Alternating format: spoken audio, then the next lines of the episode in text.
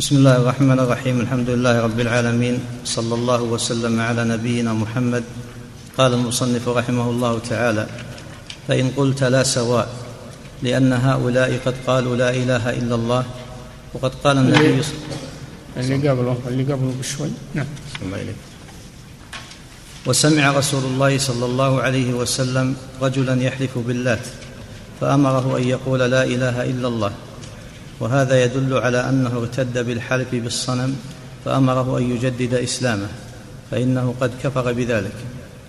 بسم الله الرحمن الرحيم. الحمد لله رب العالمين. صلى الله وسلم على نبينا محمد على آله وأصحابه أجمعين. سمع النبي صلى الله عليه وسلم رجلا يحلف بالصنم أي يقسم بالصنم. فيقول واللات واللات. أو والعزى. فأمره النبي صلى الله عليه وسلم أن يقول لا إله إلا الله. وهذا يدل على أنه ارتد بهذه الكلمة وهي حلفه بالصنم. لأنه عظمه كما يعظم الله عز وجل. فأمره صلى الله عليه وسلم أن يجدد إسلامه بالتلفظ بلا إله إلا الله. لأن من معاني لا إله إلا الله أن لا يحلف إلا بالله. لأن الحلف تعظيم للمحلوف به. وهذا قد يصل إلى حد الكفر الشرك. إذا عظم المحلوف به كما يعظم الله فلا شك أن هذا كفر وردة. فلذلك أمره النبي صلى الله عليه وسلم أن يقول لا إله إلا الله. إذا كان هذا بكلمة واحدة هذا رجل كفر وأمر بتجديد إسلامه بالنطق بالشهادة فكيف بمن يعبد الأشجار والأحجار والقبور والأضرحة؟ فيستغيث بها وينذر لها ويدعو عندها ويقصدها ويترك المساجد ويذهب إلى القبور. هذا شرك صريح. شرك صريح. حلف. بغير الله. صار كفرا فكيف بالاستغاثة بغير الله؟ والذبح لغير الله والنذر لغير الله. هذا شيء واضح. نعم. فأمره أن يجدد إسلامه فإنه قد كفر بذلك كما قررناه في سبل السلام شرح بلوغ المرام وفي منحة الغفار. نعم كما ذكر ذلك المؤلف في شرحه على بلوغ المرام وهو سبل السلام. كتاب معروف. وفي كتاب له آخر. وفي كتاب له آخر اسمه منحة الغفار. منحة الغفار شرح ضوء النهار. قرر هذا أيضا على هذا الحديث.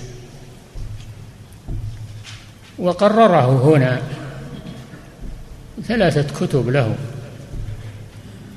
أن هذا الرجل كفر بكلمة واحدة وهي حلف بالصنم.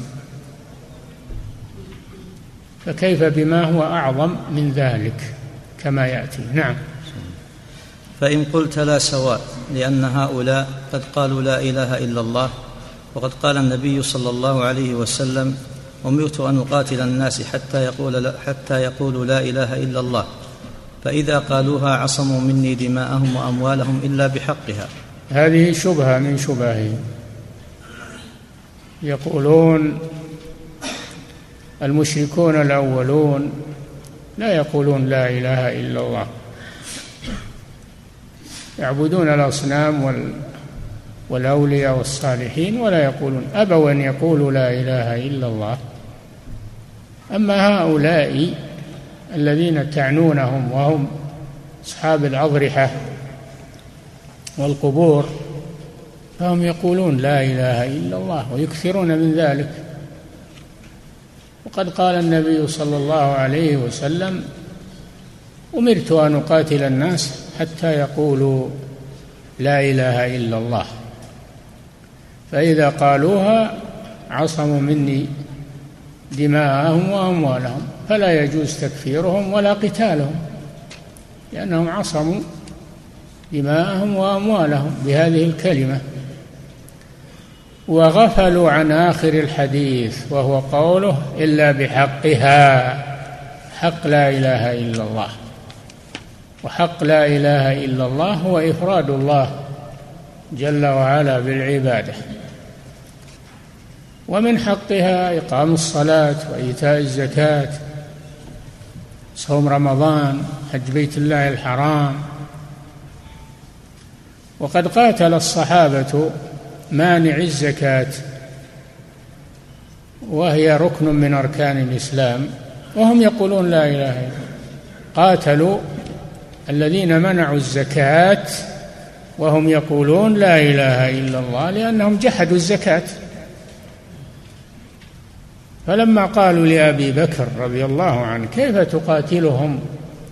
وهم يقولون لا إله إلا الله. قال إن الرسول صلى الله عليه وسلم قال إلا بحقها وإن الزكاة من حقها. والله لو منعوني عقالا أو عناقا كانوا يؤدونه إلى رسول الله صلى الله عليه وسلم لقاتلتهم عليه فقاتلهم وقتلهم حتى أخضعهم لإيتاء الزكاة رضي الله تعالى عنه. مع أنهم يقولون لا إله إلا الله أفكان الصحابة بقيادة أبي بكر مخطئين على نظر هؤلاء لأنهم قاتلوهم وهم يقولون لا إله إلا الله. دل على أن لا إله إلا الله ليست مجرد قول ولا مجرد نطق فقط بل لا بد من العمل بمقتضاها وهو إفراد الله بالعبادة وترك ما يناقضها وهو الشرك بالله عز وجل. فليست لا إله إلا الله عاصمة للدم والمال إلا بحقها بأداء حقها. وأنا قلت لكم من هذه الشبهات التي يذكرها المؤلف هنا هي نفس الشبهات التي ذكرها الشيخ محمد بن عبد الوهاب ورد عليها في كتاب كشف الشبهات رسالة عظيمة رسالة عظيمة في رد شبهات هؤلاء. ومنها هذه الشبهة. فأوصيكم بقراءة هذه الرسالة كشف الشبهات مع شروحها لأن شرحت ولله الحمد بشروح كثيرة. وضحتها وبينت مقاصدها نعم. صلى وقال لأسامة بن زيد فقتلته بعد أن قال لا إله إلا الله. ومن تمام احتجاجهم أن الرسول صلى الله عليه وسلم قال لأسامة بن زيد بن حارثة حب الرسول صلى الله عليه وسلم وابن حبه. كان أسامة مع غزاة غزوا غزوا الحرقة قبيلة غزوهم صبحوهم وانتصروا عليهم فكان منهم رجل هرب فلحق به أسامة ورجل من الأنصار. فلما غشوه ورفعوا عليه السيف قال لا إله إلا الله. فأما الانصاري فكف عنه وأما زيد أسامة بن زيد رضي الله عنه فقتله. فلما بلغ ذلك رسول الله صلى الله عليه وسلم أنكر على أسامة. أنكر على أسامة. وقال أقتلته بعدما قال لا إله إلا الله؟ ما تفعل بلا إله إلا الله إذا جاءت يوم القيامة؟ ما زال يكررها عليه حتى ندم رضي الله عنه ندامة شديدة. قالوا فهذا دليل على أن من قال لا إله إلا الله يكف عنه ويحقن دمه لأن الرسول أنكر على اسامه نقول نعم نعم يكف عنه إذا نطق بها يكف عنه ويقبل إسلامه إلا إذا ظهر منه ما يناقضها. إذا ظهر منه ما يناقضها من عبادة غير الله فإنه لا يكف عنه لأنه يعتبر مرتدا. يحكم بإسلامه بقول لا إله إلا الله. فإن استمر عليها فهو المسلم. وإن أتى بما يناقضها فإنه يكون مرتدا. يقام عليه حد المرتد. وهذا شأن القبوريين. يقولون لا إله إلا الله لكن أتوا بما يناقضها. وهو الاستغاثة بالأموات والذبح والنذر لهم والالتجاء إليهم. فهم ناقضوا لا إله إلا الله. فصار الحديث حجة عليهم لا لهم. لكن أهل الضلال من عادتهم أنهم لا يتفقهون في النصوص وإذا استدلوا لا يكملون النص. ما ما يكملونه. ولا يأتون بما يوضحه من كلام الرسول صلى الله عليه وسلم لأن الأحاديث يفسر بعضها بعضا ويبين بعضها بعضا. مثل القرآن يبين بعضه بعضا ويفسر بعضه بعضا يرد المتشابه إلى المحكم. وأما أهل الزيغ فيأخذون المتشابه ويتركون المحكم. هذه طريقتهم دائما وأبدا. فليس المراد من لا إله إلا الله مجرد النطق بها ثم يفعل أفعال المشركين الذين أبوا أن يقولوها. المشركون أعقل منه لأنهم أبوا أن يقولوها لأنها تناقض ما هم عليه. وهؤلاء يقولونها ولا يتركون ما يناقضها. فالمشركون أعقل منهم. لما قيل لهم قولوا لا إله إلا الله قالوا أجعل الآلهة إلها واحدا إن هذا لشيء عجاب. إنهم كانوا إذا قيل لهم لا إله إلا الله يستكبرون ويقولون أئنا لتارك آلهتنا لشاعر مجنون؟ هو ما قال لهم اتركوا آلهتكم قال قولوا لا إله إلا الله. ففهموا لأنهم عرب فصحى أنهم إذا قالوها بطلت عبادة الأصنام وهم لا يريدون ذلك فأبوا يقولوها.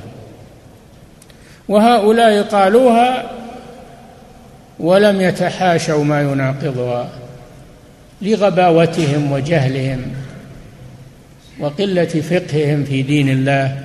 وأخذهم بالمتشابه دون الأخذ بما يوضحه ويبينه من كلام الله ورسوله. نعم. وقال لأسامة بن زيد أقتلته بعد أن قال لا إله إلا الله وهؤلاء يصومون ويصلون ويزكون ويحجون بخلاف المشركين. هذا بقية كلامه.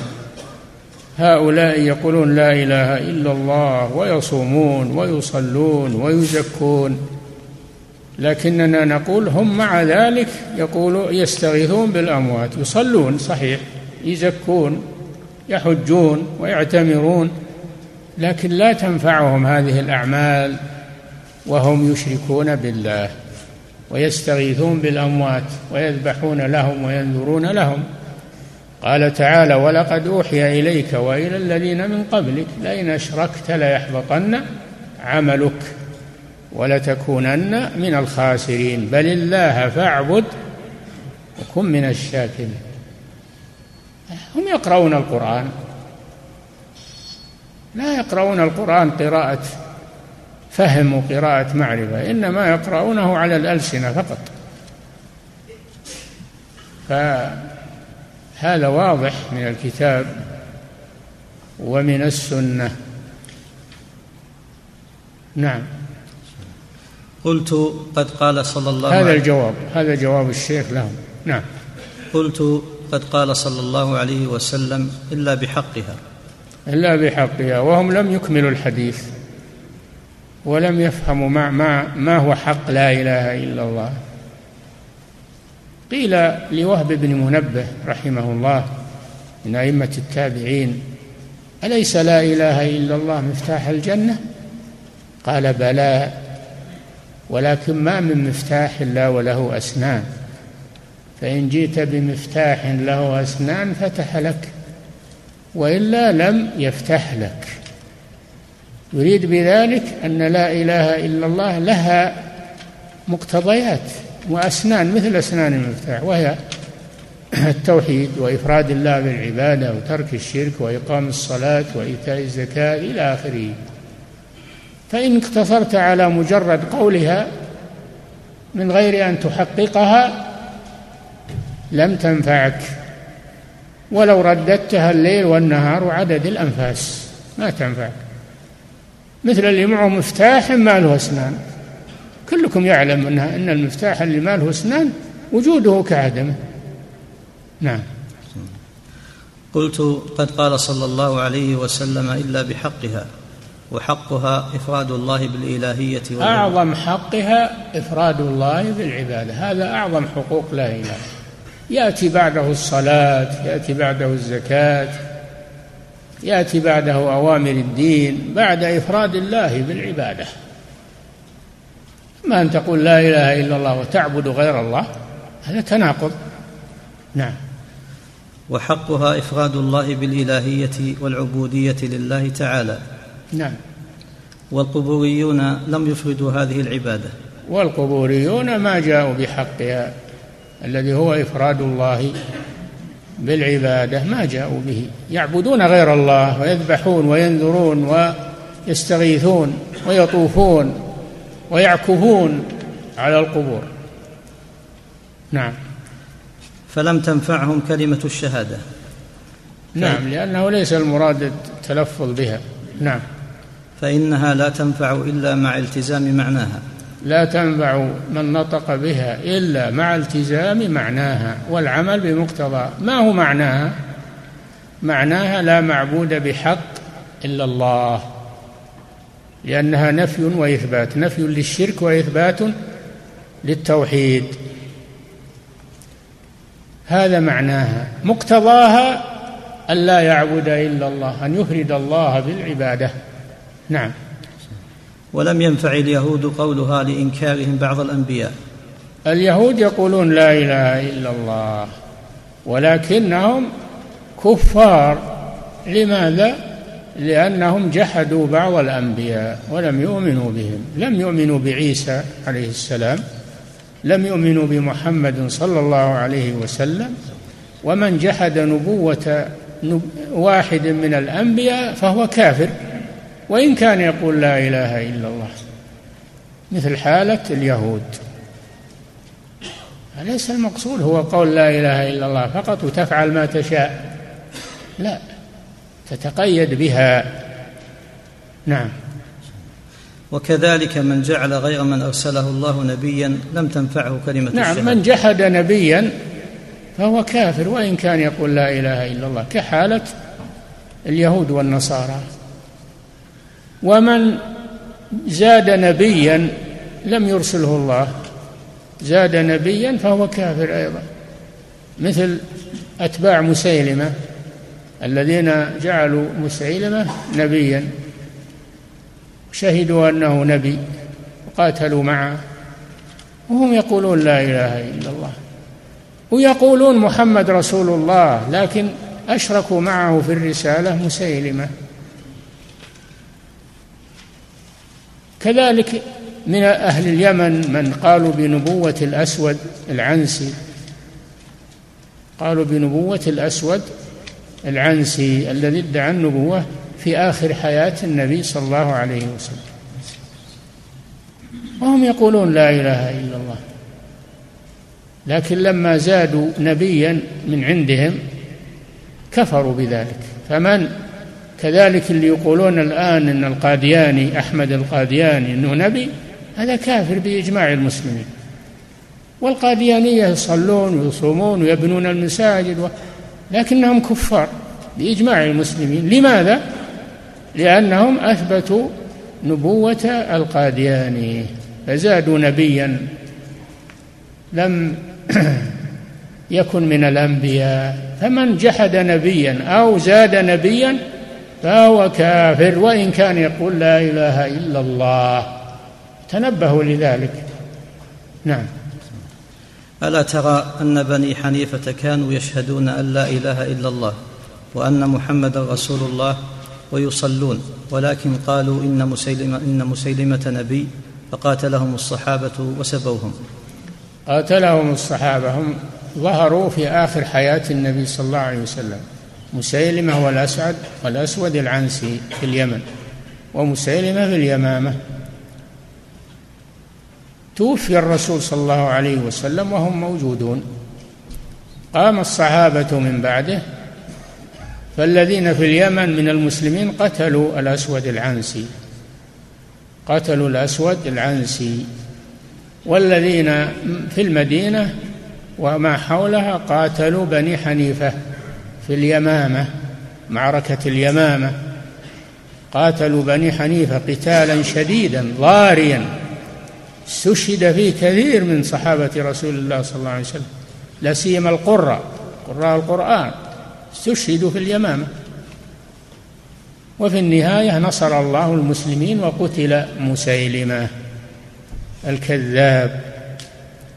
وهم يقولون لا إله إلا الله يصلون ويصومون. لكن لما أقروا بنبوة مسيلمة ارتدوا وكفروا. أليس المراد قول لا إله إلا الله فقط؟ نعم. فكيف بمن يجعل للولي خاصية الإلهية؟ فكيف بمن يجعل للولي خاصية الإلهية إذا كان هذا في من إذا كان هذا في من جعل لرجل الرسالة والنبوة فهو كافر فكيف بمن جعل لرجل خصائص الله جل وعلا؟ من جعل لرجل خصائص الرسول فهو كافر. فكيف بمن جعل للمخلوق خصائص الله؟ فدعاه واستغاث به وإلى آخر ما يفعلون. هذا أولى بالكفر من غيره من غير من أتباع مسيلمة أتباع الأسود العنسي. هذا أشد كفرا. نعم. فكيف بمن يجعل للولي خاصية الإلهية؟ ويناديه للملمات. نعم. يعني تقولون من من أقر بنبوة نبي غير الأنبياء الله الثابتة نبوتهم فهو كافر. ولا تقولون من أقر بإله مع الله يعبد ويذبح له وينذر له ويستغاث به. هذا ليس بكافر لأنه يقول لا إله إلا الله. سبحان الله. أين العقول؟ أين الأفهام؟ نعم. وهذا أمير المؤمنين علي بن أبي طالب رضي الله عنه حرق أصحاب عبد الله بن سبأ. نعم. كان رجل يقال له ابن السوداء عبد الله بن سبأ من اليهود من يهود اليمن من يهود اليمن. دسه اليهود ليفسدوا الإسلام فأظهر الإسلام أظهر الإسلام. مثل ما إن اليهود دسوا بلس على دين المسيح عليه السلام. فأفسدوا آه، دين المسيح. وقالوا بالتثليث الله ثالث ثلاثة المسيح ابن مريم عبد الله رسول الله وعبد الله قالوا إنه ابن الله. المسيح ابن مريم ابن الله. هذا دسه عليهم بلس اليهود الذي ادعى أنه أنه تنصر وترك اليهودية.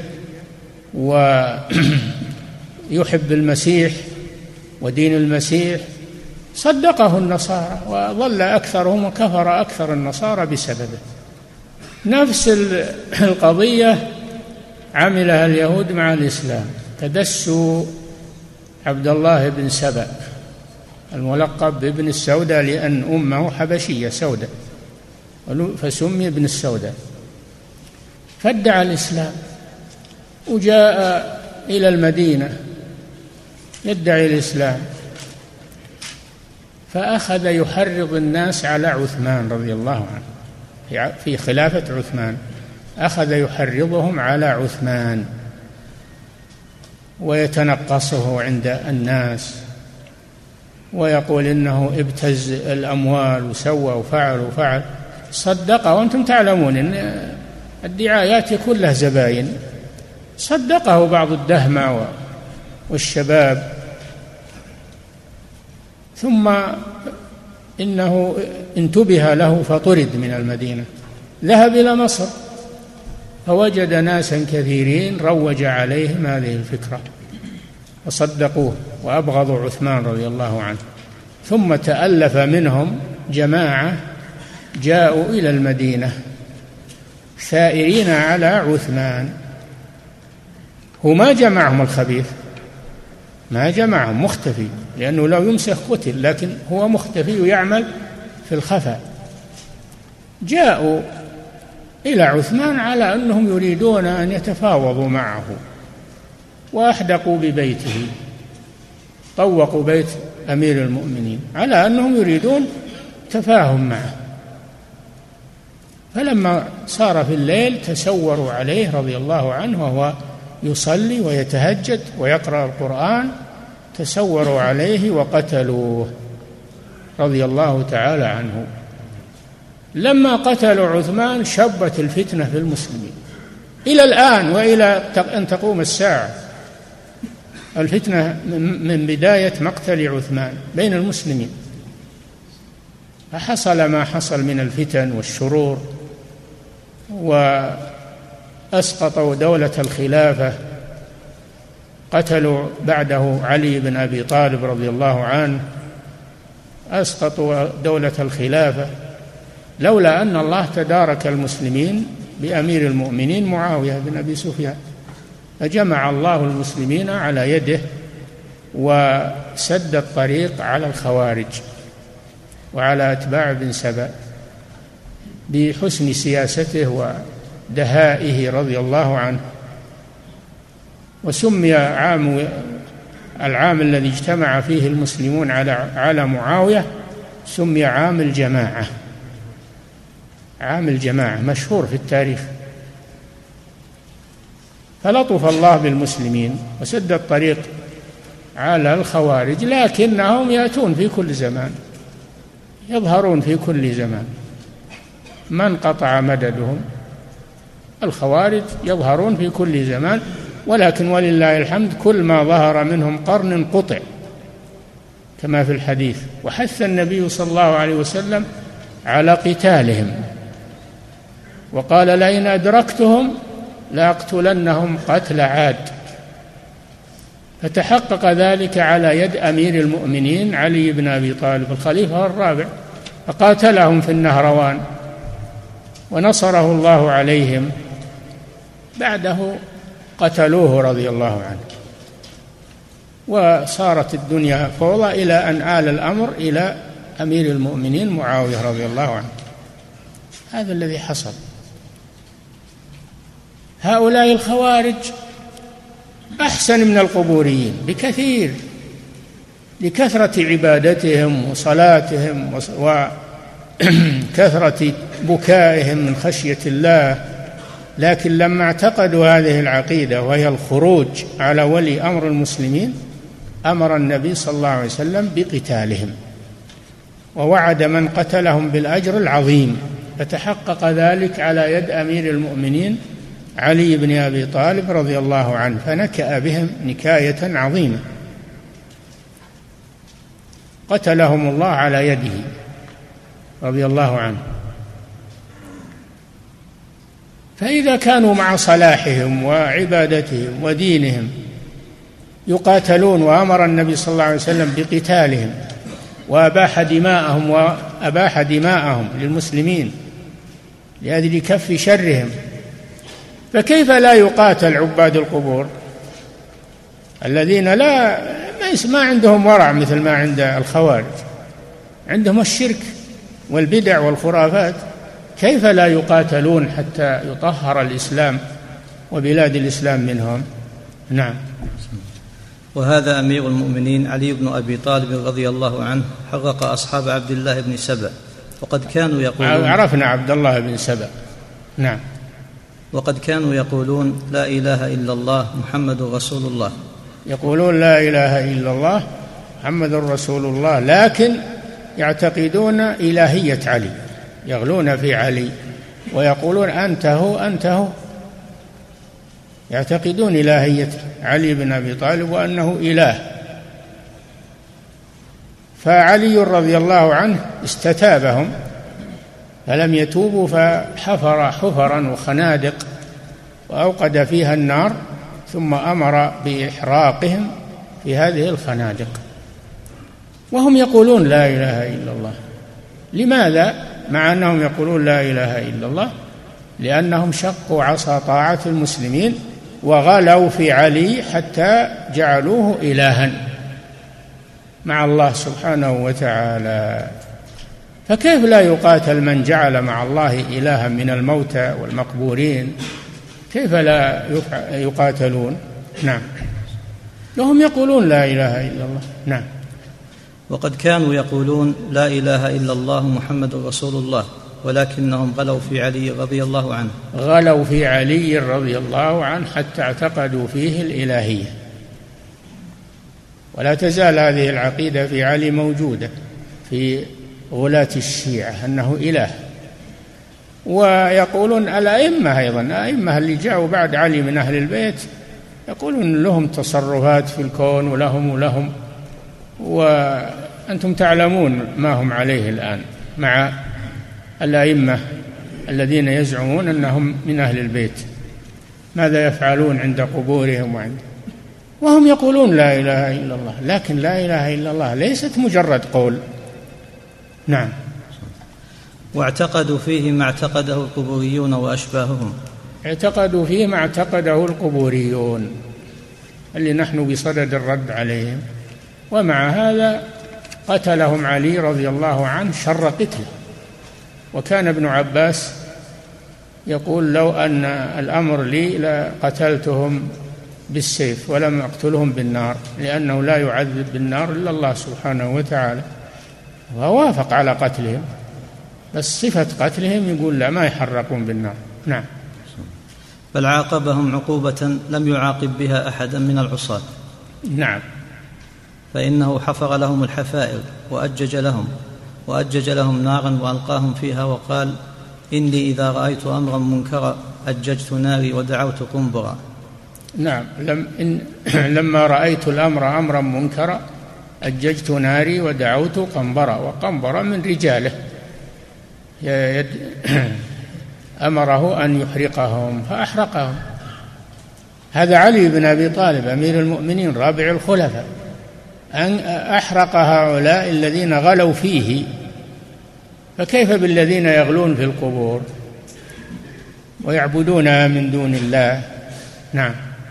وقال الشاعر في عصره لترمي بي المنية حيث شاءت إذا لم ترمي بي في الحفرتين إذا الحفرتين اللي أحرق فيها علي رضي الله عنه هؤلاء الغلاة الغلاة نعم.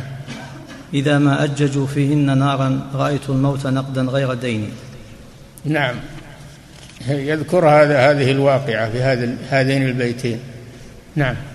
والقصة في فتح الباري وغيره من كتب أه؟ الحديث والسير. نعم. والقصة في فتح الباري وغيره القصة ذكرها الإمام الحافظ بن حجر في فتح الباري. نعم. وفي غيره من كتب الحديث والسير. وفي غير فتح الباري من كتب الحديث في شأن الخوارج وما فعله علي رضي الله عنه مع غلاتهم.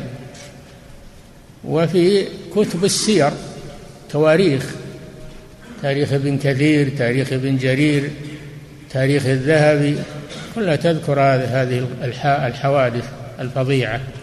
نعم. وقد وقع وقد وقع إجماع الأمة على أن من أنكر البعث كفر نعم. وقتل. وقد؟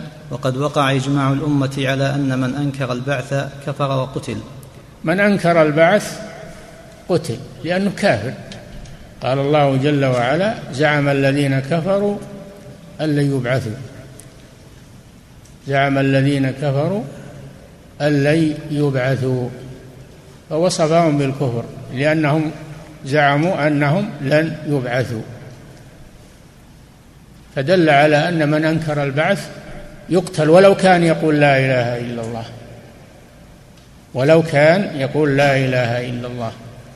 فإذا كان من أنكر البعث يكفر ويقتل فكيف بمن يستغيث بغير الله من الأموات والأولياء والصالحين ويذبح لهم ويحج لهم قبورهم؟ يعكف عندها كما لا يخفاكم من مظاهر الشرك الآن عند الأضرحة. نعم. وقد وقع إجماع الأمة على أن من أنكر البعث كفر وقتل ولو قال لا إله إلا الله. ولو كان يقول لا إله إلا الله. لأنه ناقض لا إله إلا الله. نعم. فكيف من جعل لله ندا؟ فكيف؟ فكيف من جعل لله ندا؟ كيف من جعل لله ندا أي شريكا وهم القبوريون؟ نعم. فإن قلت قد أنكر صلى الله عليه وسلم على أسامة قتله لمن قال لا إله إلا الله كما هو معروف في كتب الحديث والسير هذا أجبنا عنه سيجيب عن المؤلف. تنبهوا لهذا. لأن أهل الشر يتلمسون الشبهات ويتمسحون بالأحاديث بالآيات والأحاديث. ويلبسون بها على الناس وهي ليست معهم هي عليهم ليست لهم. نعم. قلت لا شك أن من قال لا إله إلا الله من الكفار حقن دمه وماله حتى يتبين منه ما يخالف ما قاله. إي نعم. من قالها دخل في الإسلام وعومل معامله المسلمين. فكان الواجب على أسامة رضي الله عنه أن يكف عنه حتى يتبين منه ما يخالف ذلك. فإذا تبين منه ما يخالف ذلك حكم بردته. ويجرى عليه أحكام المرتد. وهذا هو شأن القبوريين. ظهر منهم ما يخالف لا إله إلا الله ويناقضها. نعم. ولذا أنزل الله تعالى في قصته يا أيها الذين آمنوا إذا ضربتم في سبيل الله فتبينوا. الآية. هذه والله أعلم ليست في قصة أسامة هذه قصة أخرى. قصة أسامة جاءت في الحديث الصحيح. لكن ويا أيها الذين آمنوا إذا ضربتم في سبيل الله فتبينوا ولا تقولوا لمن ألقى إليكم السلام لست مؤمنا. جاء في تفسير الآية وسبب نزولها أن جماعة من الصحابة كانوا في غزاة أو في سرية فجاء رجل من المشركين معه غنيمة يعني غنم يسوقها. فأرادوا قتله فقال لا إله إلا الله. فقتلوه وأخذوا الغنم. قتلوه وأخذوا الغنم. فأنكر الله عليهم ذلك. وهم صحابة رسول الله صلى الله عليه وسلم. أنكر عليه الله عليهم ذلك. يا أيها الذين آمنوا إذا ضربتم في سبيل الله يعني سافرتم للجهاد فلا تقولوا لمن ألقى عليكم ألقى إليكم السلام لست مؤمن. خذوه على ظاهره حتى يتبين منه ما يخالف. لأن الرجل قال السلام عليكم فلم يقبلوا منه وقتلوه رضي الله عنه. فعاتبهم الله. لا تقولوا لمن ألقى إليكم السلام لست مؤمنا. تبتغون عرض الحياة الدنيا لأنهم طمعوا في الغنم. على أن غنيمة مال كافر وغنيمة أخذوها. اجتهاد منهم. تبتغون عرض الحياة الدنيا فعند الله مغانم كثيرة. كذلك كنتم من قبل فمن الله عليكم. من الله عليكم بالإسلام. وهذا رجل من الله عليه بالإسلام. فلا يجوز قتله حتى يتبين منه ما يخالف ذلك. كذلك كنتم من قبل فمن الله عليكم. فتبينوا يعني تثبتوا هذا فيه التثبت في الأمر وعدم التسرع. الصحابة إنما حصل منهم ما حصل بسبب التسرع وعدم التثبت من شأن الرجل. نعم. فأمرهم الله تعالى بالتثبت في شأن من قال كلمة التوحيد.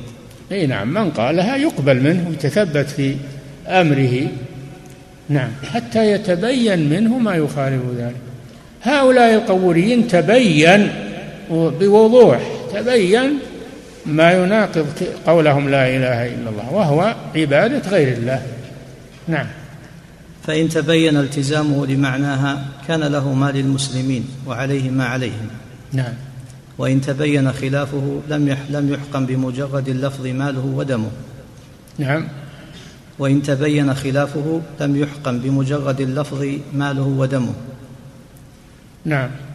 لم يحقن إذا تبين خلاف ما ما إذا تبين خلاف لا إله إلا الله ومقتضاها لم يحقن دمه ولا ماله. يحكم عليه بالردة. نعم.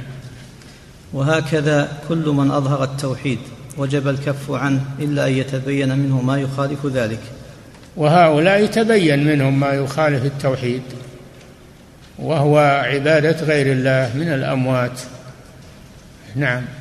المشركون يعبدون الأصنام والأحجار والأشجار وهؤلاء يعبدون الأموات والقبور والأضرحة وش الفرق بينهم؟ هو كله عبادة لغير الله كله عبادة لغير الله. نعم. والله لا يرضى أن يشرك معه أحد ولا تشركوا به شيئا. نعم. ولم تنفع هذه الكلمة بمجردها اليهود ولا نفعت هذه الكلمة. لم تنفع هذه الكلمة بمجردها اليهود وهم ينكرون نبوة عيسى ومحمد عليهما الصلاة والسلام. ولم تنفع أهل اليمامة لأنهم اعتقدوا نبوة مسيلمة الكذاب. جعلوه نبيا أو رسولا شريكا لمحمد صلى الله عليه وسلم. ألم تنفعهم لا إله إلا الله؟ نعم. ولا نفعت هذه الكلمة الخوارج. ولا نفعت الخوارج بل قتلهم قاتلهم الصحابة وهم يصلون ويصومون بل هم أشد الناس صلاة وصياما وتعبدا وذكرا لله وتلاوة للقرآن حتى إن الصحابة يحقرون أعمالهم إلى أعمال هؤلاء. لكن لما نحلوا هذه النحلة وهي الخروج على المسلمين واستباحة دماء المسلمين وأموالهم والخروج على ولي الأمر وشق عصا الطاعة أمر النبي صلى الله عليه وسلم بقتالهم. من العلماء من يكفرهم ومنهم من لا يكفرهم لكن يقاتلون لأجل خروجهم على ولي الأمر ولأجل استحلالهم لدماء المسلمين. نعم. ولا نفعت هذه الكلمة الخوارج مع من ضم إليها من العبادة. عندهم عبادة عظيمة. نعم. التي كان يحتقر الصحابة رضي الله عنهم عبادتهم إلى جنبها. وقد أخبر النبي صلى الله عليه وسلم قال تحقرون صلاتكم إلى صلاتهم. و يعني قال أن الصحابة يحتقرون أعمالهم عند أعمال هؤلاء. ومع هذا أباح الرسول صلى الله عليه وسلم دماءهم لأنهم ارتكبوا ما يقتضي إباحة دمائهم من استباحة دماء المسلمين وخروج خروجهم على ولي الأمر وشق عصا الطاعة. نعم. بل أمر النبي صلى الله عليه وسلم بقتلهم. نعم. وقال لئن أدركتهم لأقتلنهم قتل عاد. نعم. وذلك لما خالفوا بعض الشريعة. خالفوا بعض الشريعة. أخف من مخالفة القبوريين. أخف من مخالفة القبوريين. القبوريون أشركوا شرك صريح هؤلاء خرجوا على أصول بعض الشريعة التي هي لزوم السمع والطاعة ولزوم جماعة المسلمين وحق دماء المسلمين. فاستحقوا بذلك القتل. نعم. وكانوا شر القتلى تحت أديم السماء كما ثبتت به الحديث جاء في الأحاديث أنهم شر قتلى تحت أديم السماء لفعلتهم الشنيعة وخروجهم على المسلمين وعلى ولاة أمور المسلمين. جاء في الحديث أنهم شر وأنهم كلاب النار. جاء في الحديث أنهم كلاب النار وأنهم شر قتلى تحت أديم السماء. نعم. مع أنهم يعبدون الله عبادة عظيمة. نعم. فثبت أن مجرد قول كلمة التوحيد غير مانع من ثبوت الشرك من قالها لارتكابه ما يخالفها من عبادة غير الله. هذا واضح. نعم. نعم. فإن قلت القبوري القبوريون وغيرهم من الذين يعتقدون في فسقة الناس وجهالهم من الأحياء يكفي نقف عندها هذه شبهة جديدة من شبهة. نعم.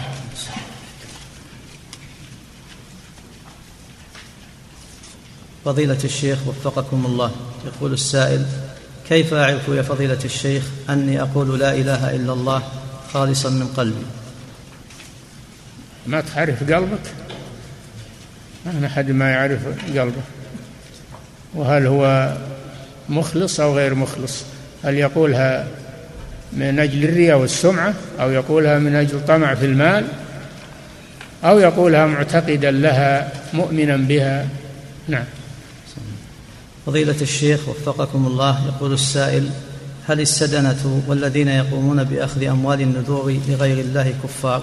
هذا يبي ياتي يبي ياتي لا تستعجل. هذا في كلام الشيخ الإمام بعد قليل. نعم. وما حكم الانحناء بالرأس للتحية؟ ها؟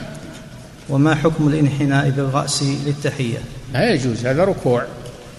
ولا يجوز الانحناء لأحد. كائنا من كان. لأن هذا ركوع خضوع لا يجوز للمخلوق إنما يركع لله ويسجد لله سبحانه وتعالى. نعم.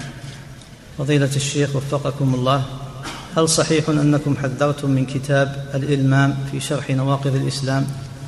أنا قلت في هذا في هذا المكان. سئلت عنه في درس وقلت فيه أخطاء فيها أخطاء كثيرة تخالف نواقض الإسلام التي ذكرها الشيخ رحمه الله. نعم. فضيلة الشيخ وفقكم الله متى يكون التبرك شرك أكبر ومتى يكون شركا أصغر؟ متى يكون إيه؟ متى يكون التبرك شركا أكبر ومتى يكون شركا أصغر؟ الشيخ رحمه الله في كتاب التوحيد عقد بابا باب من تبرك بشجرة أو حجر أو غير ذلك وأورد في هذا قصة الذين قالوا للرسول صلى الله عليه وسلم اجعل لنا ذات أنواط كما لهم ذات أنواط. وقال قلتم والذي نفسي بيده كما قالت بنو إسرائيل لموسى اجعل لنا إلها كما لهم آلهة. قال إنكم قوم تجهلون. فهؤلاء الذين قالوا للرسول صلى الله عليه وسلم هذه المقالة ما فعلوا شيء لكن طلبوا من الرسول وتثبتوا في الأمر. الرسول أنكر عليهم فامتنعوا. أنكر عليهم فامتنعوا. والسبب أنهم حدثاء عهد بإسلام. عندهم جهل. أسلموا في في فتح مكة وخرجوا مع الرسول صلى الله عليه وسلم لغزوة حنين بعدها. فهم عندهم جهل ولذلك قالوا ما قالوا. وعذرهم الله بالجهل لأنهم لم يفعلوا ولأنهم سألوا الرسول. ما أقدموا على هذا؟ سألوا الرسول فلما نهاهم انتهوا. نعم. فضيلة الشيخ وفقكم الله يقول السائل إذا وضع إذا وضع إذا وضع أحدهم في سيارته أو والبركة إنما هي من الله. تبرك إنما يتبرك بأسماء الله وصفاته. هذا الذي يتبرك به. نعم. يقول السائل إذا وضع أحدهم في سيارته أو دكانه كلمة ما شاء الله تبارك الله هل يعتبر هذا من التمائم؟ إذا كان علقها يريد أن يتذكر بها الذكر والتسبيح والتهليل فهذا خطأ لأن هذا الشيء لم يعمله الصحابة رضي الله عنهم ولا. أما إذا علقها يريد بها الحفظ تحفظ سيارته تحفظه. فهذه من التمايم هذا تعليق التمايم ولا يجوز. نعم. فضيلة الشيخ وفقكم الله بين رسالة تطهير الاعتقاد وكتاب يقول السائل بين رسالتي تطهير الاعتقاد وكتاب كشف الشبهات تشابه كبير فهل أحد الشيخين استفاد من الآخر في كتابه؟ الله أعلم لا أظنه. لأن الشيخين متباعدان. هذا في أقصى الجنوب وهذا في أقصى الشمال. لا أظنه. نعم. على كل حال حتى لو اتفق على هذا واستفاد بعضهم من بعض. ما في مانع. شيء طيب. لكن ما أظنه لأن هذا توفيق من الله عز وجل من تباعد القطرين فيما بين الشيخين. نعم. فضيلة الشيخ وفقكم الله يقول السائل هل يعذر القبوريون وخاصة العوام منهم بالجهل والتأويل؟ يا سبحان الله. يعني القرآن صار ما له قيمة ولا اللي يقرأ ويقرؤونه ويسمعونه وهو يحذر من الشرك. وش الشرك؟ ما يسألون عن الشرك؟ ما لهم عذر. هم يسمعون القرآن يحذر من الشرك ويخبر أنه يحبط الأعمال. وأن الله حرم الجنة على المشرك إنه من يشرك بالله قد حرم الله عليه الجنة ومأواه النار. هذا أمر واضح. إنما يعذر بالجهل في الأمور الخفية التي تحتاج إلى بيان. أما الأمور الظاهرة فهذه القرآن واضح فيها. مثل الزنا الزنا واضح كل يعرف الربا واضح كل يعرف الشرك أولى أن يكون أوضح من هذه الأمور. فما لهم حجة هذا إلى متى يعذرون بالجهل؟ نعم. فضيلة الشيخ وفقكم الله يقول السائل هم يقولون إذا بين لهم ودعوا إلى التوحيد قالوا هذا دين الوهابية. يسمون التوحيد دين الوهابية. مذهب ابن عبد الوهاب ويقولون ابن عبد الوهاب خارجي ومن الخوارج والوهابية خوارج. وهكذا يقول. هذا هذه إجابتهم عن الدعوة آه، والبيان لهم. نعم. يقولون هذا خوارج هذا مذهب الخوارج. نعم. فضيلة الشيخ وفقكم الله يقول السائل ما قولكم في من يقول أننا لا نحكم بكفر من سجد للوثن لأنه ربما سجد لله عند نسأل الله العافية نسأل الله العافية. هذا كلام باطل وسامج ولا يقوله إلا إما جاهل وإما معاند. الذي يسجد للقبر أو للصنم هذا مشرك. نحكم عليه بفعله. نحكم عليه بفعله وما حصل منه. وأما القلوب فأمرها إلى الله عز وجل. إحنا ما كلفنا بالقلوب. نعم. فضيلة الشيخ وفقكم الله يقول السائل في حديث لا يعذب بالنار إلا رب النار. فكيف يجمع بين الحديث وما فعله علي بالخوارج؟ نعم. ورضي الله عنه حرقهم من شدة الغيرة على دين الله فاللي حمله على هذا شدة الغيرة على دين الله وربما يكون لم يبلغه الحديث. نعم. فضيلة حمل على هذا شدة الغيرة لدين الله عز وجل. معلوم أن الإنسان إذا فعل فعلا غيرة لله أنه يعذر ولو حصل منه خطأ أو مخالفة. نعم. فضيلة الشيخ وفقكم الله يقول السائل كيف يرد على من يقول أن العمل شرط كمال, كمال في الإيمان؟ هذه كلها خرافات وخرابيط ولا نلتفت إليها. علينا بعقيدة أهل السنة والجماعة. الإيمان قول باللسان واعتقاد بالقلب وعمل بالجوارح. يزيد بالطاعة وينقص بالمعصية. هل تريدون أوضح من هذا؟ هذا واضح ما يحتاج. ولا لحد كلام مع هذا. وهذه عقيدة أهل السنة والجماعة سلفا عن خلف. نعم. أما عقائد المرجئة فلا نلتفت إليها. نعم. فضيلة الشيخ وفقكم الله يقول السائل ما حكم التبرع بالأعضاء؟ لا سيما إذا كانت للحاجة مثل التبرع بالكلية. هذا في قرار من هيئة كبار العلماء أنه إذا كان المسألة مسألة ضرورة والمنقول منه سمح بهذا العضو وهو لا يضر بصحته لا يضر بصحته و وقد سمح به والمنقول إليه مضطر قالوا لا بأس بذلك بهذه الشروط أن يكون المنقول إليه مضطرا إلى ذلك أن يسمح المنقول منه أن لا يضر المنقول منه لأن الضرر لا يدفع بالضرر. نعم. فضيلة الشيخ وفقكم الله يقول السائل ما هو الفرق بين المشيئة والإرادة؟ المشيئة الإرادة أعم من المشيئة. الإرادة تكون شرعية وتكون آه، قدرية. أما المشيئة فلا تكون إلا قدرية ولا تكون دينية. نعم. فضيلة الشيخ وفقكم الله ما حكم فتح حساب في البنوك الربوية؟ فتح الحساب للإيداع فقط للحفظ فقط بدون استثمار. هذا تدعو إليه الضرورة. لا بأس. وأما الإيداع لأجل الاستثمار فهذا لا يجوز. هذا الاستثمار الربوي هذا لا يجوز. نعم. فضيلة الشيخ وفقكم الله يقول السائل من صلى صلاة جهرية لوحده في المسجد هل يجهر بالصلاة أم ينتظر حتى تأتي جماعة معه ثم يجهر بالصلاة؟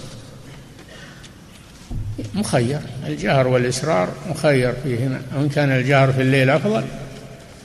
وفي النهار الإسرار أفضل المسألة مسألة استحباب. فلا بأس بذلك جهر أو أسر. نعم. فضيلة الشيخ وفقكم الله يقول السائل إذا فاتتني صلاة الجماعة هل أصلي في البيت أم أذهب إلى المسجد وأبحث عن جماعة لأصلي معهم؟ هذا أفضل أنك تذهب إلى المسجد لأنك ربما تجد جماعة فاتتهم الصلاة أو واحد يتبرع من المصلين ويصلي معك. ذهابك إلى المسجد لا شك أنه أفضل وأحوط. نعم. فضيلة الشيخ وفقكم الله يقول السائل ما الفرق بين الخوارج والبغاة؟ لا بينهم فرق. خوارج هم الذين يخرجون بدون تأويل ولا دليل لهم. أما البغاة فعندهم شبهة عندهم تأويل سائر لكنهم أخطأوا فيه. تأويل أصله سائر. لكنهم استعملوه في غير محله. أما الخوارج فليس عندهم دليل. ليس عندهم دليل يعتمدون عليه. نعم. فضيلة الشيخ وفقكم الله يقول السائل ما هو الضابط الذي نفرق فيه بين الكفر والشرك نعم. الذي يعذر فيه بالجهل؟ ما يا أخي ما يعذر بالجهل إلا من عاش منقطعا عن العالم ولم يصل إليه شيء. باق على أصله ولم يصل إليه شيء. هذا يعذر بالجهل حتى يبين له وهذا يكون حكم حكم أهل الفترة. وأما من بلغه القرآن وبلغته السنة وبلغ كلام أهل العلم ولكنه لم يقبل ولم يلتفت إليه واستمر على ما هو عليه فهذا لا يعذر بالجهل. نعم لأنه بلغته الحجة. نعم بلغته ويفهمها. ولو أشكل عليه شيء بإمكانه يسأل. نعم. فضيلة الشيخ وفقكم الله يقول السائل ما هو موقف المسلم من الفتن في هذا الوقت؟ في المسلم من الفتن أن يتجنبها ويبتعد عنها ولا يتكلم فيها إلا إذا كان عنده علم ويريد أن يبين للناس ويحذرهم من الفتن. هذا شيء طيب. أما أنه يدخل فيها ويصحح ويخطي ويصدر بيانات ويوقع هذا لا يجوز. هذا من من الإعانة على إيقاد الفتنة. نعم. فضيلة الشيخ وفقكم الله يقول السائل هل تجوز الصلاة خلف المسبل والحليق؟ الصلاة تجوز لكن هو يأثم على الإسبال وحلق اللحية يأثم هو. أما الصلاة في حد ذاتها فهي صحيحة.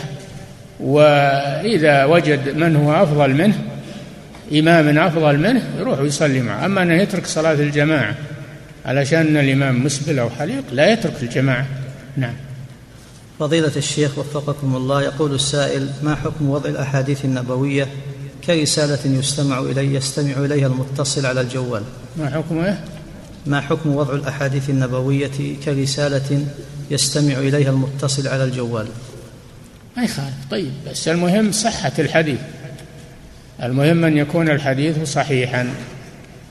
فإذا ذكر الحديث بنصه والحديث صحيح وذكر مصدره منين أخذه فلا بأس بذلك. نعم. فضيلة الشيخ وفقكم الله يقول السائل ما المقصود في الحديث استفتي قلبك؟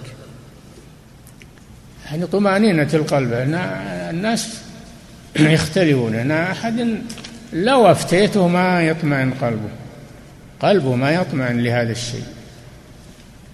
فهذا معنى قول الرسول استفتي قلبك وإن أفتاك الناس وأفتوك. لأن المفتين كثيرون. لو نبي نطيع المفتين سأن تروح الدنيا كلها. ولكن المسلم عنده عقل وعنده قلب معمور بالإيمان فما اطمأنت من اطمأنت آه، من اطمأن قلبه إلى فتوى من أحد العلماء الموثوقين فليأخذ بها. أما من يفتي وهو لم يطمئن قلبه من هذا المفتي فلا يأخذ بهذا. نعم. فضيلة الشيخ وفقكم الله يقول السائل ما حكم وضع مظلة كبيرة في المقبرة؟ هذا لا يجوز. صادر قرار من هيئة كبار العلماء بمنع وضع مظلات في المقابر للعزاء أو لغيره. ما يجوز هذا. نعم. فضيلة الشيخ وفقكم الله يقول السائل هل يمكن أن يرى الله عز وجل في الدنيا في المنام؟ نعم في المنام يمكن يمكن أن يرى في المنام سبحانه وتعالى. قد رآه النبي صلى الله عليه وسلم في المنام. نعم. فضيلة الشيخ وفقكم الله يقول يقول السائل إمام مسجد أقمت عليه الحجة بالأدلة في مسألة الاستواء فيرفض اتباع اتباعا لشيوخه. هل تجوز الصلاة وراءه؟ إذا كان هذا الإمام في هذه البلاد فلا بد أن أن يعزل. ولا يجوز أن يقر على تأويل الصفات. يبلغ عنه وزارة الشؤون الإسلامية لتعزله وتنصب غيره. أما إذا كان في بلاد أخرى فينظر أيهما أحسن. إن كان أن عنده تأويل ولكنه أحسن من غيره هناك من هو شر منه وهناك من هو فلا شك أن ارتكاب أخف الضررين لدفع أعلاهما مطلوب. نعم. فضيلة الشيخ وفقكم الله يقول السائل رجل يتكلم بالمغيبات ويقول هذا كرامة من الله هل نحكم عليه أنه ساحر؟ إيه؟ يقول السائل رجل يتكلم بالمغيبات. يعني يدعي علم الغيب يخبر عن المغيبات يدعي علم الغيب. من فعل هذا فهو كافر. لأن الغيب لله عز وجل لا يعلمه إلا الله. فمن ادعى مشاركة الله في ذلك وأنه يعلم الغيب فهو كافر. نعم. فضيلة الشيخ. من نواقض الإسلام من نواقض الإسلام من ادعى علم الغيب. نعم. فضيلة الشيخ وفقكم الله يقول السائل هل من قال قولا كفريا يؤمر بالاغتسال مع قول نعم. لا إله إلا الله؟ نعم. يقول السائل هل من قال قولا كفريا قولا؟ قولا كفريا. نعم. يؤمر بالاغتسال مع قول لا إله إلا الله.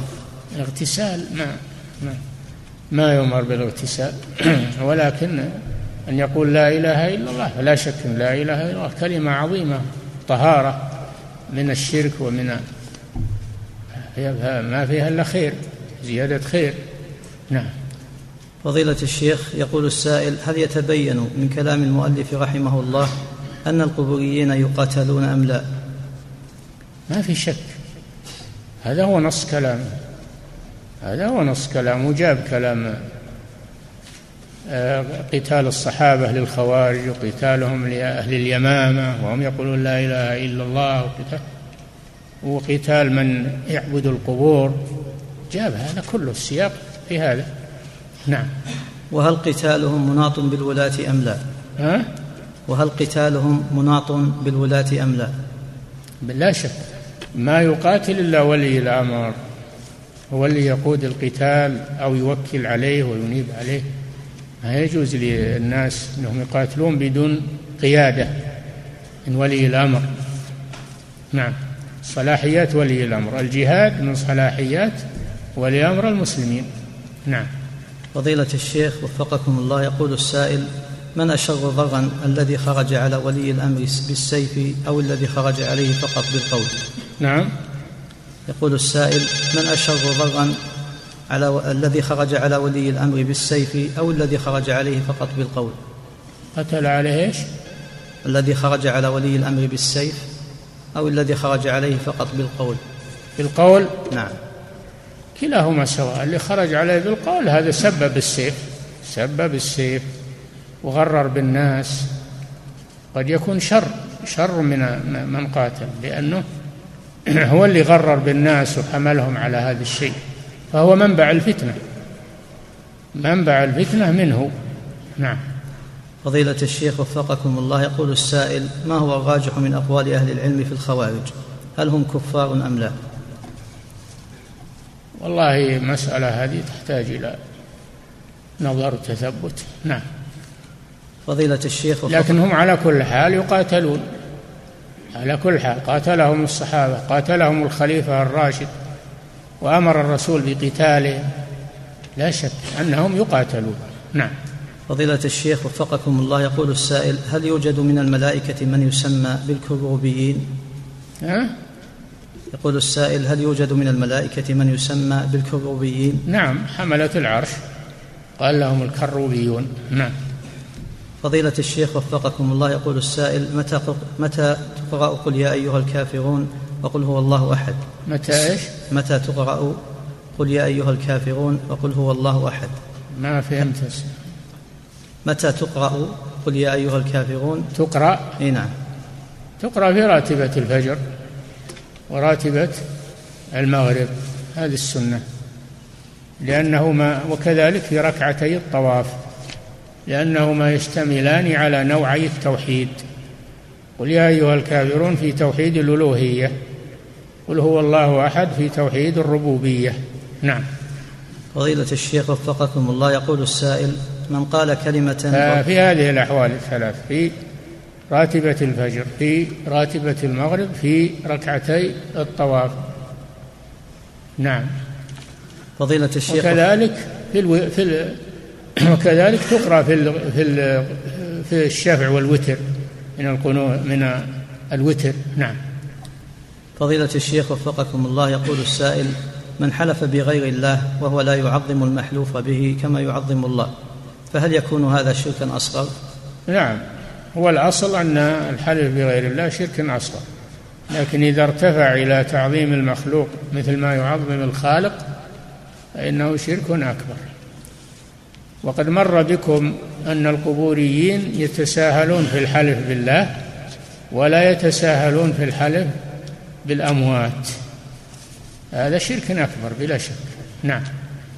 فضيلة الشيخ وفقكم الله يقول السائل هل من قال كلمة وارتد بها عن دينه يحبط جميع عمله؟ حتى يتوب إلى الله. الردة تحبط جميع الأعمال يتوب إلى الله عز وجل. نعم. ومن تاب تاب الله عليه. نعم. وإذا حبط عمله ورجع للإسلام هل ترد أعماله السابقة عليه؟ هذا محل خلاف. من العلماء من يقول لا ترد عليه. يبدأ من جديد ومنهم من يقول ترد عليه ومنهم الإمام الشافعي وذلك لقوله تعالى ومن يرتد منكم عن دينه فيمت وهو كافر فأولئك حبطت أعمالهم في الدنيا والآخرة. قال فرتب حبوط الأعمال على أمرين الردة والموت عليها. فدل على أنه لو تاب قبل أن يموت أنها ترجع إليه أعمال وهذا الذي سمعت الشيخ ابن باز مرارا وتكرارا يرجحه. نعم. فضيلة الشيخ وفقكم الله يقول السائل ما معنى قتل عاد؟ في قول النبي صلى الله عليه وسلم تعلمون تعلمون ما حصل لقوم عاد من آه ما أصابهم من الريح العقيمة التي نزعتهم من الأرض وهم أكبر الناس أجساما. نزعتهم من الأرض وهم يقولون من أشد منا قوة؟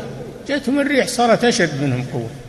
نزعتهم من الأرض إلى عنان السماء ثم نكستهم على رؤوسهم فدقت أعناقهم. فأصبحوا كأعجاز نخل خاوية كأعجاز نخل منقعر. نعم. فضيلة الشيخ وفقكم الله يقول السائل كيف يعامل المبتدعة كالروافض إذا كانوا يخالطوننا في أعمالنا؟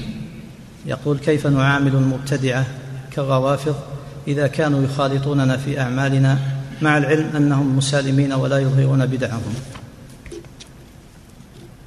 نحن لا نخطي عليهم ولا نتعدى عليهم ولكن لا نمكنهم من إظهار ضلالهم لا نمكنهم من إظهار ضلالهم ومذهبهم ولا نتعدى عليهم نخطي عليهم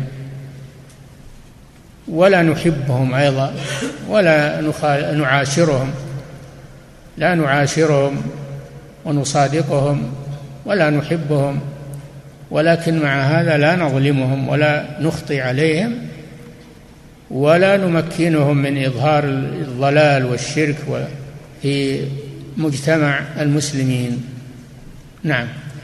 فضيلة الشيخ وفقكم الله يقول السائل هل تنصحون بدراسة كتاب التوحيد قبل كتاب كشف الشبهات أم العكس؟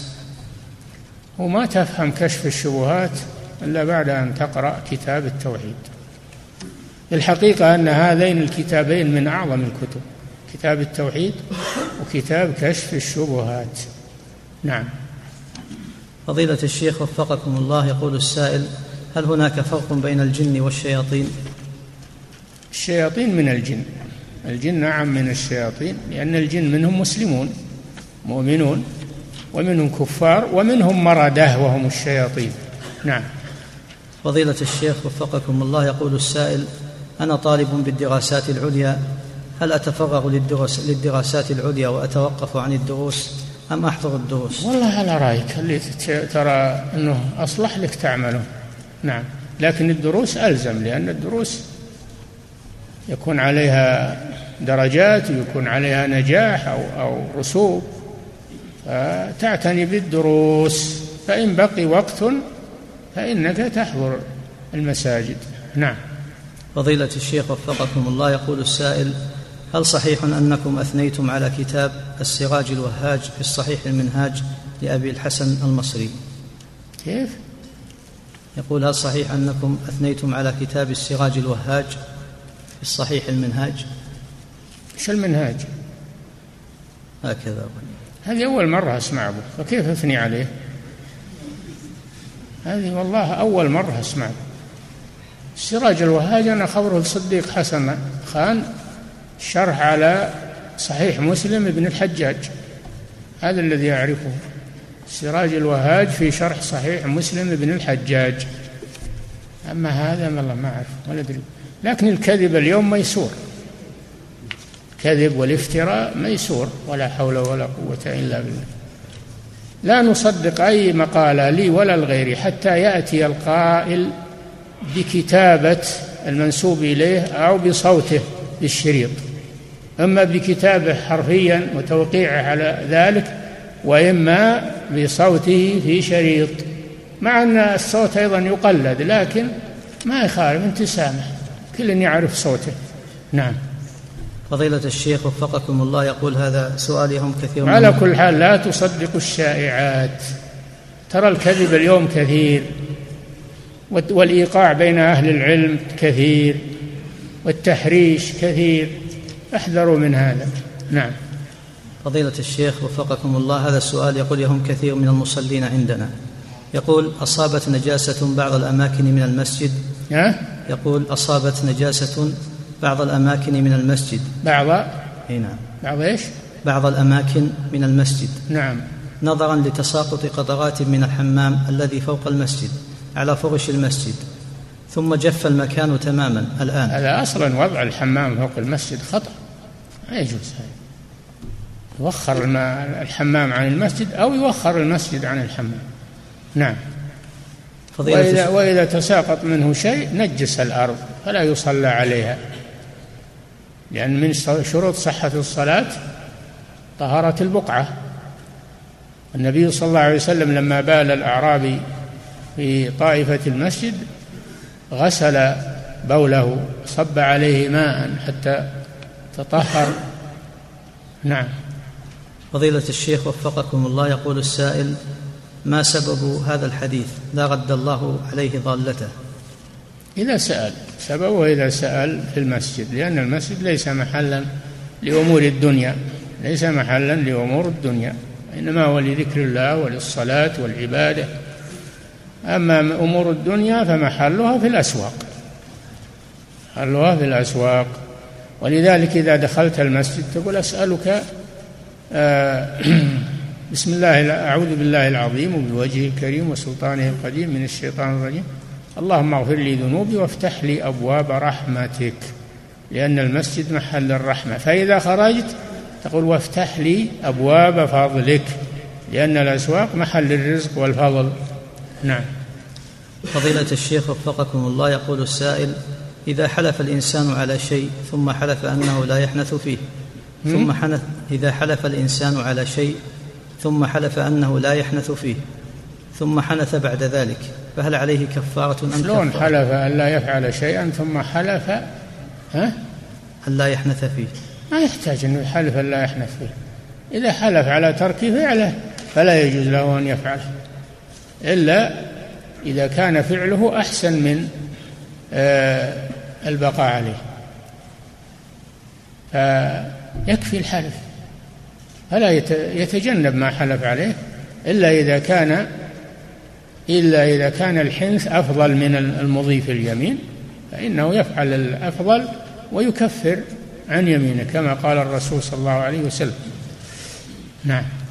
فضيلة الشيخ وفقكم الله يقول السائل من طلق الزوجة طلاقا بائنا فهل له أي يقول من طلق الزوجة طلاقا بائنا فهل له أن يتزوج قبل انقضاء العدة؟ لا ما يجوز. تزوج يعني أخرى آه، قبل انقضاء عدة الباين؟ لا ما يجوز. حتى تفرغ الباين من عدتها. نعم. فضيلة الشيخ وفقكم الله يقول السائل انتشر بين لأن, لأن أحكام الزواج الأول لم تنقطع. نعم. يقول السائل انتشر بين طلبة العلم الأخذ من اللحية فآمل التوجيه. ما هم طلبة علم ذولا يأخذون من اللحية ما هم طلبة علم؟ طلبة العلم يعملون بالسنة والسنة توفير اللحية. اللي يأخذ من اللحية؟ ليس من طلبة العلم. نعم. فضيلة الشيخ وفقكم الله يقول السائل ظهر في هذه الأوقات كتاب لأحد الكتاب يرد فيه على على العلماء الكبار الكبار. هذه وش تقول؟ أبعد عن يقول فضيلة الشيخ وفقكم الله ظهر في هذه الأوقات كتابا لأحد الكتاب يرد فيه على العلماء أو على هيئة العلماء على على العلماء الكبار ويتهمهم بالإرجاء وبأنهم مرجئة. فما رأي فضيلتكم؟ ما شفت الكتاب. ما أحكم عليه وأنا ما شفته. نعم. انتهت والله تعالى أعلم وصلى الله وسلم على نبينا محمد وعلى آله وصحبه.